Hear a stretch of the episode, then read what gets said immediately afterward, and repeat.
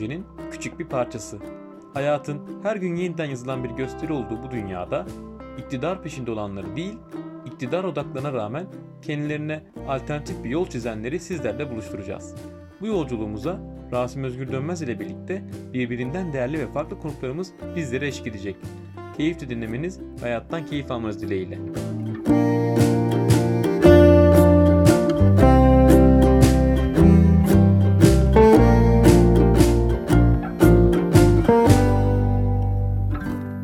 Merhabalar. Ee, bugünkü alternatif gösterinin konu benim çocukluk arkadaşım. Ee, ve bana bana göre e, bu 21. yüzyılda çok az nadir kalmış insanlardan bir tanesi Murat Kaya. Kendisi senaryo yazarı, da tiyatro yazarı ama da, da daha da e, bu mesleğini genişletme senaryo yazarı diyelim biz ona. Yani reklam e, senaryoları falan da yazıyor ama bugünkü konumuz anlamında Murat için önemli, yani bizim benim için önemli oluşunun sebebi o e, Murat'ın e, içindeki o çocuğu, o yani o hiç ölmeyen çocuğu ve bu yazı hayatının o ölmeyen çocukluğa nasıl bir katkısı olduğunu anlamaya 35-36 dakika içerisinde çalışacağız. Ben çok uzatmadan e, Murat'a şu soruyu sorayım. Murat merhaba. Merhabalar e, Rasim'cim. E, kısaca kendinden bahsedebilir misin? Tabii. E, ben 49 yaşındayım artık 50 diyelim. Ocak'ta 50 olacağım. Birkaç ay kaldı şimdi şurasında. Yani yarım asırdır yaşıyorum. e, tamam böyle. E, beni tanıyanlar pek öyle ihtimal vermiyorlar bu yarım asırlık bir yaşamım olduğuna gerçekten dediğin gibi sanırım. Ama bunda işte e, hiperaktivitenin de etkisi var hiperaktif bir insanım ama bu hani teşhisli hiperaktifim gerçekten. Üstün zekalı hiperaktif çocuk olarak yaşadım bir dönemimi. O dönemi sen iyi biliyorsun. Tabii, tabii. Aslında. Ee, oradan oraya koşturmalarımı bir türlü e, şey beni sabit görememeyi falan çok iyi hatırlıyorum. Söyleme satrançları. Evet. E, deli lakabımı. Deli lakabı. deli lakabı. yani hatta e, şey e, bizim e, mahallede e, benim adımı bilmeyip bana direkt deli diye hitap edenler vardı. Bu yüzden benden yaş olarak küçüklerin bir bölümü adımı Veli zannediyorlarmış. o yüzden deli dediklerini zannediyorlarmış. Öyle yani. Hala çocukluk arkadaşlarım deli diye hitap eder. Ben alıştım artık buna. Yani bunu şey olarak alıyorum. Gerçekten lakap olarak alıyorum. Ee, şimdi ben e, evet e, 50 yaşındayım. E, Birçok e, farklı okulda okudum. E, bizim e, Bahçeli Evler'de işte iki tane ünlü e, lise vardı. Biri Cumhuriyet Lisesi, bir deneme lisesi. E, sen de ben de o liselere gitmedik. Evet. E, daha uzaktaki liseleri tercih ettik. Ben Ankara Anadolu Lisesi Almanca bölümünden mezunum. E, ve Almanca biliyorum oradan ve işte çok e, sonrasında e, e, değişik bölümlerde okudum ama son yani işletme, psikoloji falan da okudum. Bir ara yurt dışına gittim. E, oralarda yaşadım. E, ama e, son olarak e, Ankara Üniversitesi Dil ve Tarih Coğrafya e, tiyatro bölümü dramatik yazarlık ana sanat dalını da okudum ve e, aslında ondan öncesinde de ben tiyatroyla ilgileniyordum. Hatta 15-16 yaşlarından itibaren başladım ben tiyatroya. Hı. Ve e, o devam etti. Oyunculukla başladım her tiyatroya başlayan insan gibi. Ben de önce bir oyunculuk denedim. Ondan sonra baktım ben e, sahne arkasını daha çok seviyorum. Daha doğrusu yönetmeyi daha çok seviyorum e, rejiyle uğraştım ve kendi kuramsal düşüncemi geliştirmeye başladım ve oyun yazarlığı da o kuramsal düşünceyi yani e, e, hayata geçirebilmek için gerekli bir şeydi. Kendi oyunlarını yazmak. Bir de benim işte çocukluğumda da yazmakla ilişkilerim hep iyiydi. Hı hı. Hani e, lisede e, edebiyat derslerinde ya da Türkçe derslerinde kompozisyon da vardır ya. Evet. 10 üzerinden 4 puanı kompozisyona verirlerdi sınavlarda. Ben kompozisyonda hep e, tam puan alırdım ve edebiyat derslerinde o, o sayede geçiyordum. Yoksa edebiyatım çok iyi değildi benim. 6-7 ile geçerdim. Onun 4'ü kompozisyondu zaten. Öyle bir şeydi. Çünkü e, işte seviyorlardı benim o zamanlarda ya. Yani Türkçeyi ya da dillik kullanış biçimimi seviyorlardı. Biraz daha farklıydı zannedersem. Öyle bir yetenek varmış. Ee, ve e, onu daha sonra e, tiyatro ile birleştirdim. Tiyatro ile birleşince de e, dramatik yazarlık haline dönüştü. Ve e, dramatik yazarlığı daha sonra hayatımın kendisi haline getirdim. Öyle söyleyebilirim. E, şey yani bu dramatik yani şu anda e, tiyatronun dışında da değil mi? Mesela senaryo yazımları, re, reklam Tabii. senaryosu yazımı daha, daha geniş bir e, şey var. Tabii, sinema senaryosu da yazıyorum. Uzun metraj filmlerim çekilmedi ama uzun metraj filmlerim de var. Hatta bir tanesi üzerine bir yapım şirketi e, düşünüyor bu aralar falan. E, öyle bir ihtimal de var. Kısa film senaryolarım da oldu. Reklam filmleri, hatta klip senaryoları yazdım. E, o tür şeyler de oldu. Yani e, bu e, senaryoya dair ne varsa ben yazdım hayatım boyunca. E, ama en çok tiyatroyu seviyorum. Çünkü işte tiyatro hani kamera sanatlarını tercih ederim aslında. Şimdi ve burada canlı, seyirciyle canlı karşılaşan bir mekan olduğu için tiyatro.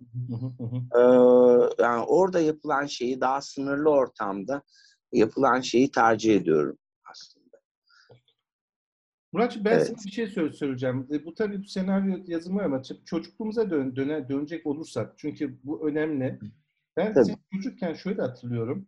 Ee, çok iyi basketbol, futbol oynayan, e, bunun yanında haksızlıklara hiç e, e, ne diyelim haksızlığa hiç dayanamayan ve buna e, ani bir şekilde tepki gösteren, e, çok evet. okuyan, e, iyi satranç oynayan hatta körleme satranç oynayan evet. e, birisi olarak hatırlıyorum. Hatta yani arkadaşım olarak hatırlıyorum. Hatta e, çok takdir ettiğim bir şeydi. Yani şey diyeyim e, o haksızlık yüzünden bu haksızlığa karşı gelebilmek adına da mesela yani yanlış anlama bir keresinde de ağır bir dayak yediğini hatırlıyorum ben. Yani şey, şey yani senin o bir adalet duygun da çok e, güçlüydü.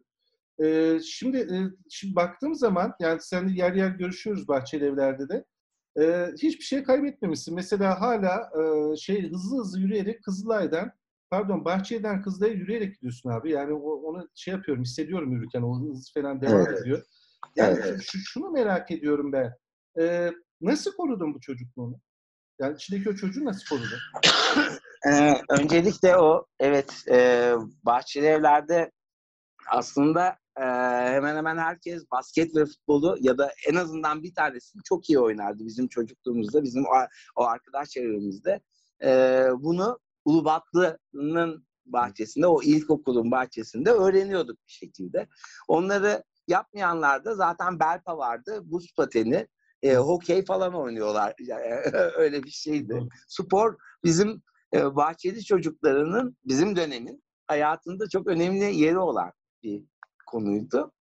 E, ama işte o arkadaş ilişkilerinde evet ben e, biraz çabuk parlayan, çabuk sönen, ee, ama o parlama sönme anlarında evet e, yani o haksızlık meselesi bende ben o zamanlarda şimdi de benzer şekilde duyarlıyım bu konuya. Hani olgunlaşma e, konusunda bir meselem var hala benim. O zamandan bir e, çok fazla şey e, değişmedi.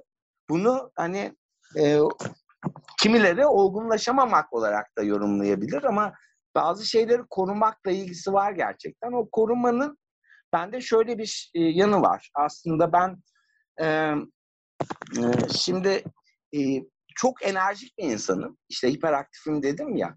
e, çocuklarla yetişkinler arasındaki e, en belirgin fark da biraz bu. E, insan yaş aldıkça enerjisi, enerjisi düşüyor. Ben de o olmadı. Bende devam etti o enerji. O enerji devam edince de işte bunu zamanla bilgiyle birleştirdiğimiz zaman üretkenliğe dönüşüyor. E, e, ister istemez. Karakter aynı şekilde kaldı ama işte e, sürekli bilgi depoluyorsun ve onlar bir şekilde kurgulanıyor. Şimdi e, bunda e, e, yazarlığın biraz etkisi oldu. Şimdi yazmak e, işte Yunancası grafe. Hani fotoğraftaki ya da grafikteki e, e, kelime grafe e, yazmak demek ama aslında kaydetmek anlamına da geliyor. Yani mesela fotoğraf fotonun kaydı demektir. Ya da sinematograf sinema kinemadan gelir. Kinetik olan hareket yani. Hareketin kaydıdır sinematografta. İşte e, e, yazmak aslında kayda almak anlamına gelir. Ve kayda alıp e, aldığımız zaman da dondururuz bazı şeyleri. Ben e, şey yaşamımda birçok şeyi bu şekilde dondurmayı başardım aslında. Yani sürekli tutmam benim kay- kaydetmem sayesinde oldu diyebilirim. Ben de böyle bir etkisi oldu yazarlığın ve e, şey bir şeyler bir de yazarlık dediğimiz şey tabii değişik türleri var. Yani ben kendimi oyun yazarı olarak tanımlıyorum. Bir de yani roman yazarları var. Ee, ama bizim yaptığımız ortak iş nedir? Aynı zamanda bir karakter yaratmak. Yani e, bir karakter yaratıp onu eylem içinde gösteriyor. Bir durum içinde kurguluyoruz. İşte çeşit çeşit karakterler yaratmamız gerekiyor ve her karakterin kendi sosyal durumu var, kendi psikolojisi var, e, kendi mesleği var, aile düzeni var e, ve e, onun enerji durumu benim gibi olmuyor. Ben birçok e, farklı insanı aslında içimde yaşatmak durumunda kaldım yazarak. Ve onlar hakkında çok şeyler öğrendim. Ve ben zaten hani olgunlaşmam gerektiğinde yazarken o, o karakter olarak olgunlaşabiliyorum. Ee, ama yazan kişi olarak e, aynı karakteri e, değiştirmem gerekmedi benim. E, zaten e, hali hazırda başka olanaklarım var. Başkalarını e, yaşamak adına başka olanak kitaplarım var. Hani bazıları için kitap okumaktır bunun yolu. Ee, Birçok farklı yaşamı deneyimlemenin yoludur gerçekten kitap okumak. Roman, değişik romanlar okumak. Farklı çağlarda, farklı e, ülkelerde, işte farklı kültürlerde ya da farklı karakterlerde insanları deneyimlemek, onların karşı empati kurabilmek. Demektir aslında okumak. Yazarlıksa bunu yeniden inşa etmek demek olduğu için onları nasıl e, bu hale dönüştüklerini daha derinden bilmek gerekiyor. İşte psikoloji eğitimim de var benim e, hali hazırda ve bu biraz e, bu işe yaradı. O psiko yani ben psikolog olabilecek karakterde bir insan değilim. Yani çünkü ben çok heyecanlı biriyim. Yani karşımdaki e, bir hasta ya da bir danışan olsa o da heyecanlanır herhalde benim karşımda. Ama e, işte, psikoloji bilgimi bu anlamda e, karakter bilgisi anlamında çok yoğun bir şekilde kullandığımı söyleyebilirim. Ve bu da e, işte e, kendimi e, dış dünyadan biraz izole etmemi, e, dışarıdaki e, işte bize e, sistemin empoze ettiği bir yaşam şekline bağlı kalmak zorunda kalmamayı getiriyor aslında. Ben e, biraz e, sürecin, yani akıntının dışında bir kayaya tutunmuş gibiyim. E, ve oradan e, sürüklenenleri seyrediyorum ve onları not ediyorum. Öyle söylenebilir aslında. Evet. Yazarlık bana kat, kattığı şey bu. Bir şey soracağım. Peki bu gündelik hayatın kötülüklerinden nasıl korunmaya çalışıyorsun? Yani gündelik hayatın kötülükleri var diyorsun. Yani o, oradan her birimizin de bir koruma şey oluyor, stil oluyor kendimize. Senin stilin nasıl? Yani anladım soruyu ben. Onu evet. şöyle anlatayım ben. Şimdi e, hemen benim e, meslektaşım çok değerli bir ismi adını anacağım. William Shakespeare. Herkes biliyor onu. Ee, William Shakespeare'in Kral Lear adında bir oyunu vardır. Ee, o oyunda özellikle yani William Shakespeare oyunlarında hatta o dönemin yazarları e, özellikle oyunlarında çok sık kullanmış. Soytarı karakteri vardır. Ee, şimdi soytarının özelliği e, o tür oyunlarda e, kralın hemen yanı başındadır ve e, diğerleri yapamazken, diğerleri kralın önünde iki büklüm dururlarken ya da sözlerine dikkat ederlerken soytarı ağzına geleni söyler. Onun bir özgürlük alanı vardır. Hani ben demiştim ya işte e, çok hareketli, enerjik e, bir çocukluğum vardı. Ve oradan kalma bir lakap vardı. E, deli derlerdi bana çocukluğumda ve o delilik işte e, dış dünyadaki yani o kralın yanındaki soytarılık gibi görünmeye başladı. Bu şekilde özgürleştirdi beni. E, çünkü benim e, e, yapma hakkım vardı. İstediğim şeyleri yapma hakkım vardı. Yani normalde başkalarına baskı uygulayan insanlar ben yapıyorum diye biraz daha doğal karşılıyorlardı. Bu konu biraz benim e, o e, dış dünyanın ilişkiler zincirinden, o bağlarından e, kurtulmamı, izole yaşayabilmemi sağladı. E, hatta benim işte birçok özelliğim vardı. İşte e, dediğin gibi e, Bahçeli'den Kızılay'a yürüyerek gidiyorum. Ehliyetim yok benim, hiç olmadı. Hatta sadece ehliyetim değil. Telefonun yok. Benim kredi kartım da hiç olmadı. Evet. Ee, cep telefonum hiç olmadı. Yok şu an cep telefonum benim. Ee, ve e, cep telefonu kullanmadan yaşıyorum. Mesela nasıl yaşayabiliyorsun diye soruyorlar. Ben de şey diyorum. Sigara gibidir cep telefonunda. Başlamazsan aramıyorsun. Yani en başından başlamayacaksın. Ee, o zaman e, öyle devam edebiliyorsun. Yani 94 yılında geldi bu ülkeye cep telefonu ve e, ben almadım. Vallahi. Bela. Evet. ya- tabii tabii. Ee, yani e, ben kafamı yormuyorum. Yani bana ulaşmak biraz zor oluyor bu nedenle ama insanlar işte benimle bir, birlikte bir şeyler yapmak istiyorlarsa e, bana uyum sağlamak zorunda kalıyorlar. Ve e, herkesin kendine göre kuralı vardır. Benim de kuralım bu. E, bana ulaşmak sizin yükümlülüğünüz. İşte ulaşamıyorsanız ulaşamıyorsunuz. Yoksa bunun için ben cep telefonu almıyorum. Böyle bir şey var. Mesela sadece cep telefonu olmaması bile aslında beni inanılmaz şekilde özgürleştiriyor. Ee, farkındaysan. Yani kendinle karşılaştırdığında anlayabiliyorsun ki bu kadar basit bir şey aslında. Ee, ve işte e, başka şeyler de var. Mesela ben okulları e, çok fazla kendi çıkarım için kullandım. İşte her, her birinden bir şeyler topladım.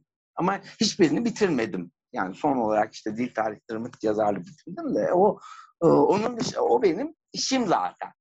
Onun dışındakileri ben değişik sebeplerden okudum ve o ortamlarda öğrendiklerimi e, cebime koydum.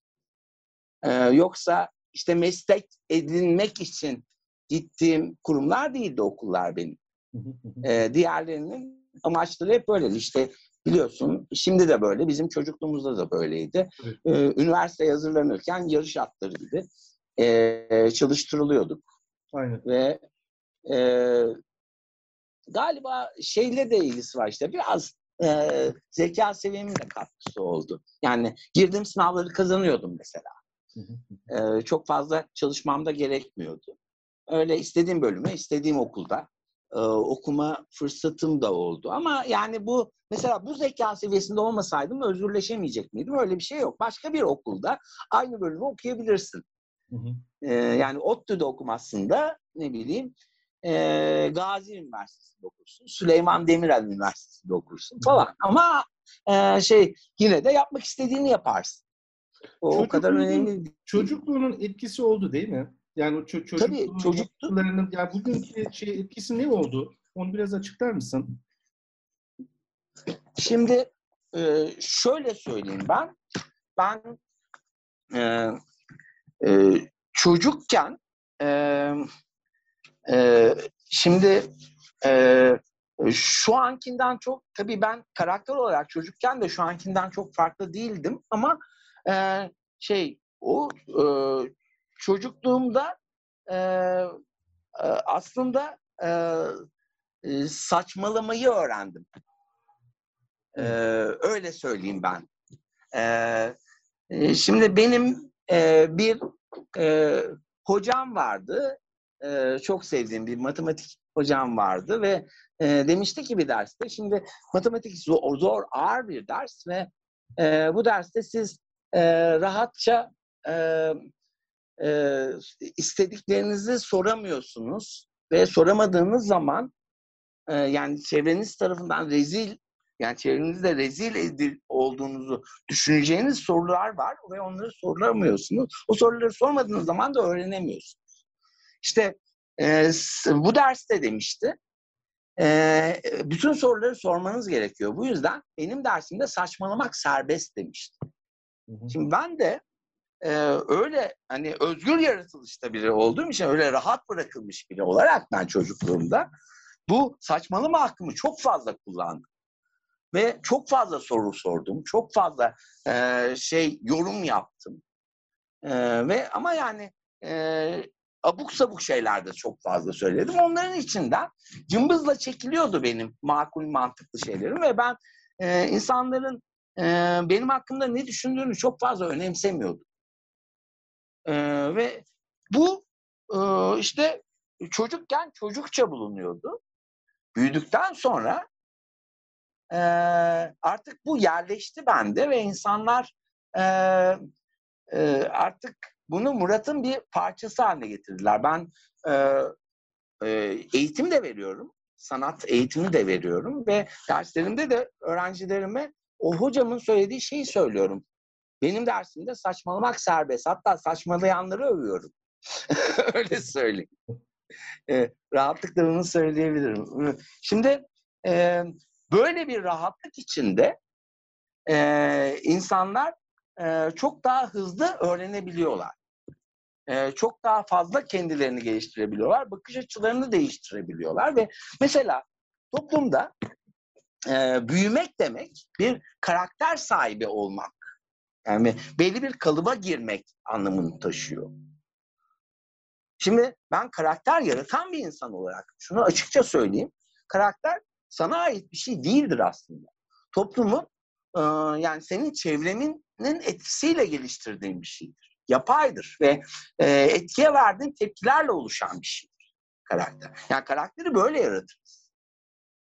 Yani karakter sizin, bizim, bizim kaderimiz değildir.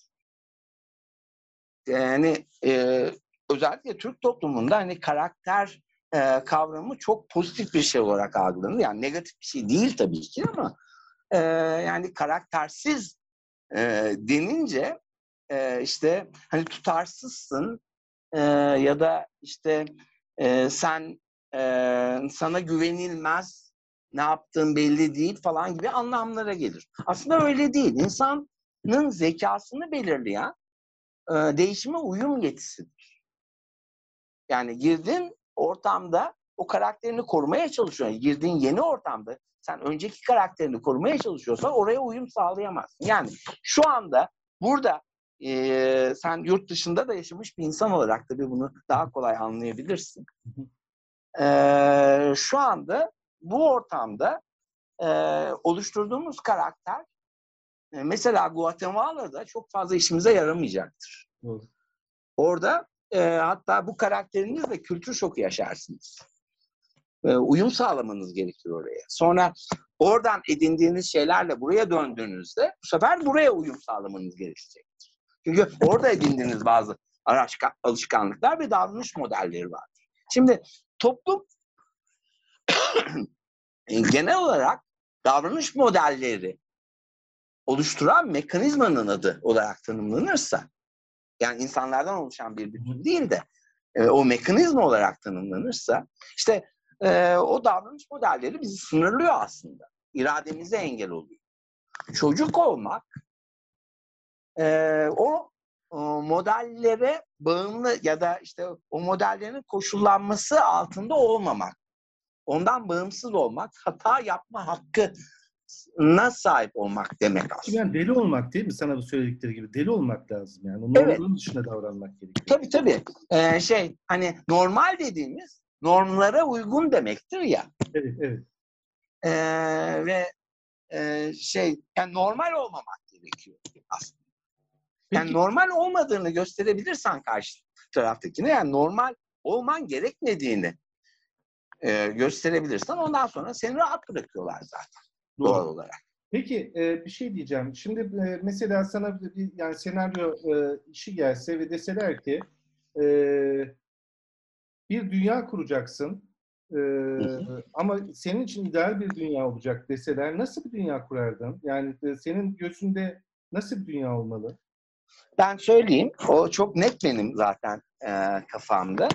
E, şey e, öncelikle o dünyayı ben kurmazdım.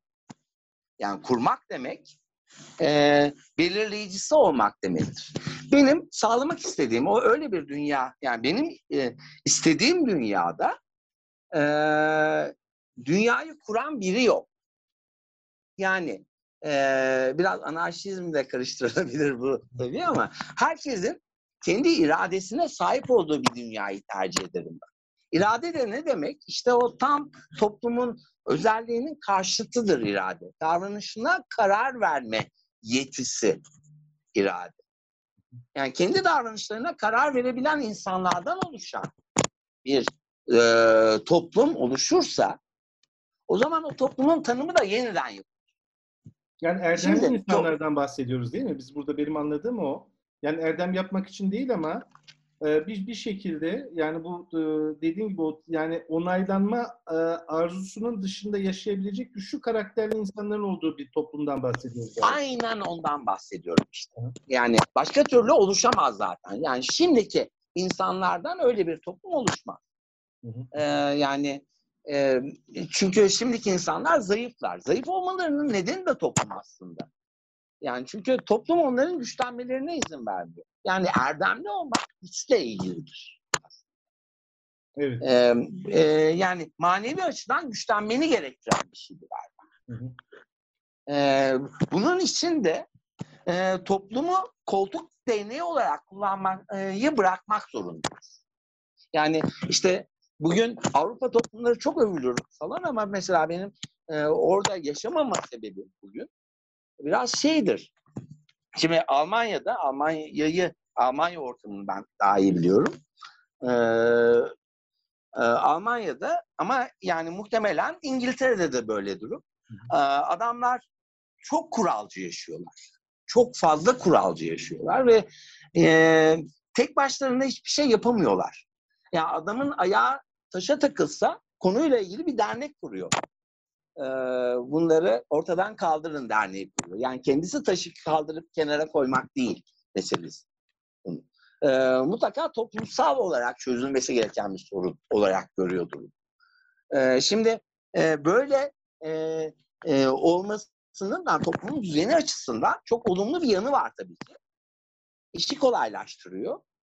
Ama hani e, bu Almanya, İngiltere falan dediğimiz ülkelerde hani tiyatronun özellikle çok güçlü olduğu ülkelerde ya tiyatro oralarda endüstridir ve e, çok yaygındır ve çok gelişmiştir. Teknik olarak da e, içerik olarak da çok gelişmiştir. Bütün büyük oyun yazarları oralardan çıkıyor. İşte Shakespeare, Goethe's falan. Orada hep.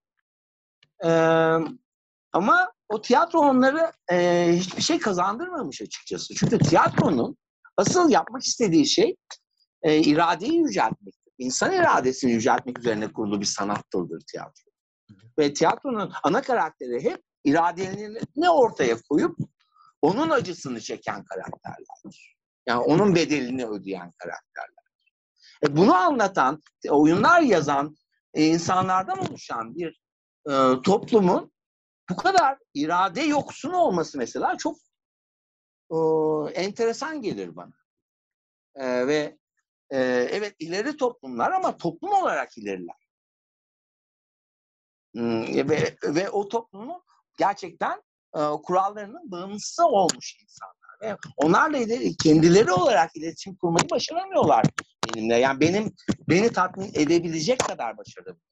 Bu ülkede çok büyük sorunlarımız var toplumsal anlamda, ekonomik sorunlarımız var. Büyük felaketler olabiliyor ee, falan ama e, bu ülkede hala insan var.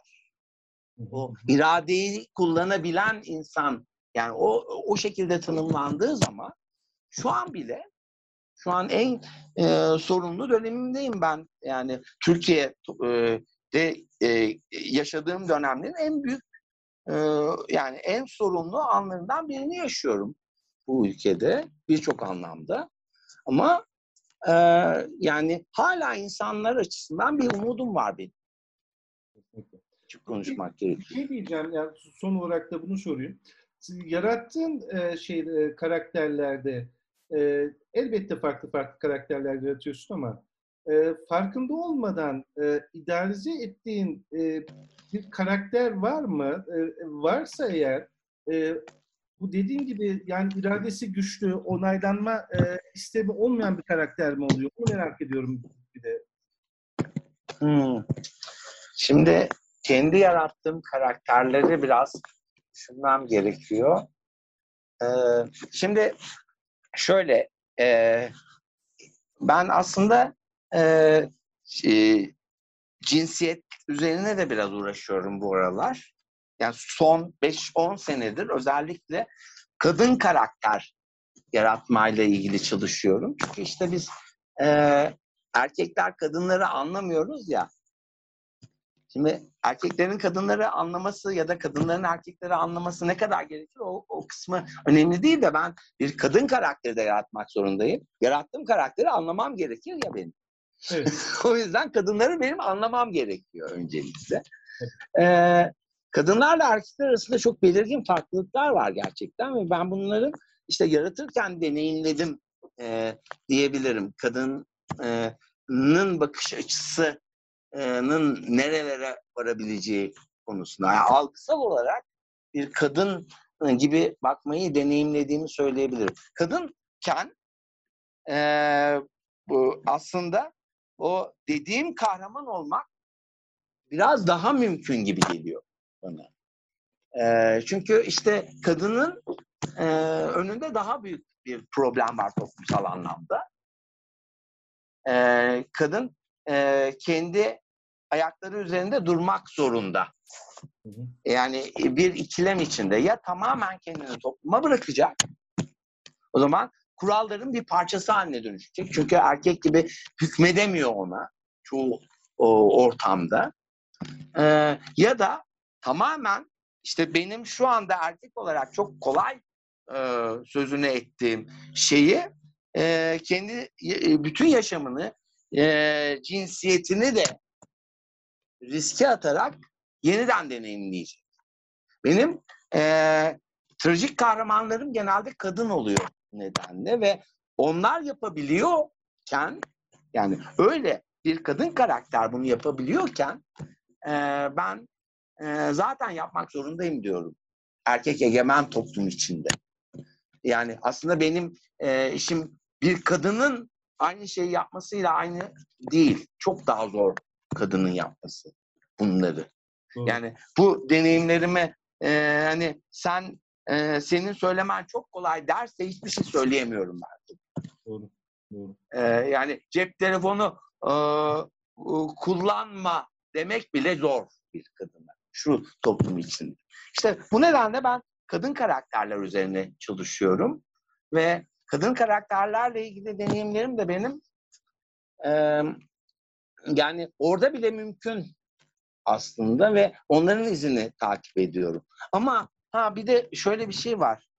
Netice itibariyle benim e, bir de tek başıma ben yazar değilim ve çevremde e, işte birçok sanat dalından birçok e, yazarların deneyimleriyle ben e, bu hale geldim ve e, işte kendimi geliştirmeyi deniyorum hala onların etkisiyle. E, aslında e, hani e, e, son dönemin yani 20. yüzyıldan itibaren e, o e, e, büyük yazarların da kadınlarla ilgili e, genelde maalesef yazarlar erkekler arasından çıkıyor. Çok nadirdir kadın isimleri e, yazarlar dünyasında. E,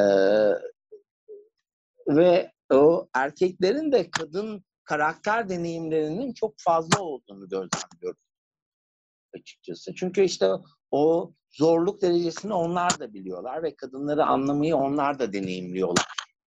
Hı hı. Ee, e, ve e, eğer öyle bir karakter başarabilirse yani bir e, karşı cinsten, bizim karşı cinsimizden bir karakter başarılı, başarabilirse işte benim o dünyamın bir umudu var diyeceğim ben. Ama kadınların başarmasını sağlayamazsam kendi kurgusal dünyamda yarattığım kadınların bunu başarmasını sağlayamazsam erkeklerin başarmasıyla eee, olacak bir şey değil. Bunun hiçbir anlamı yok.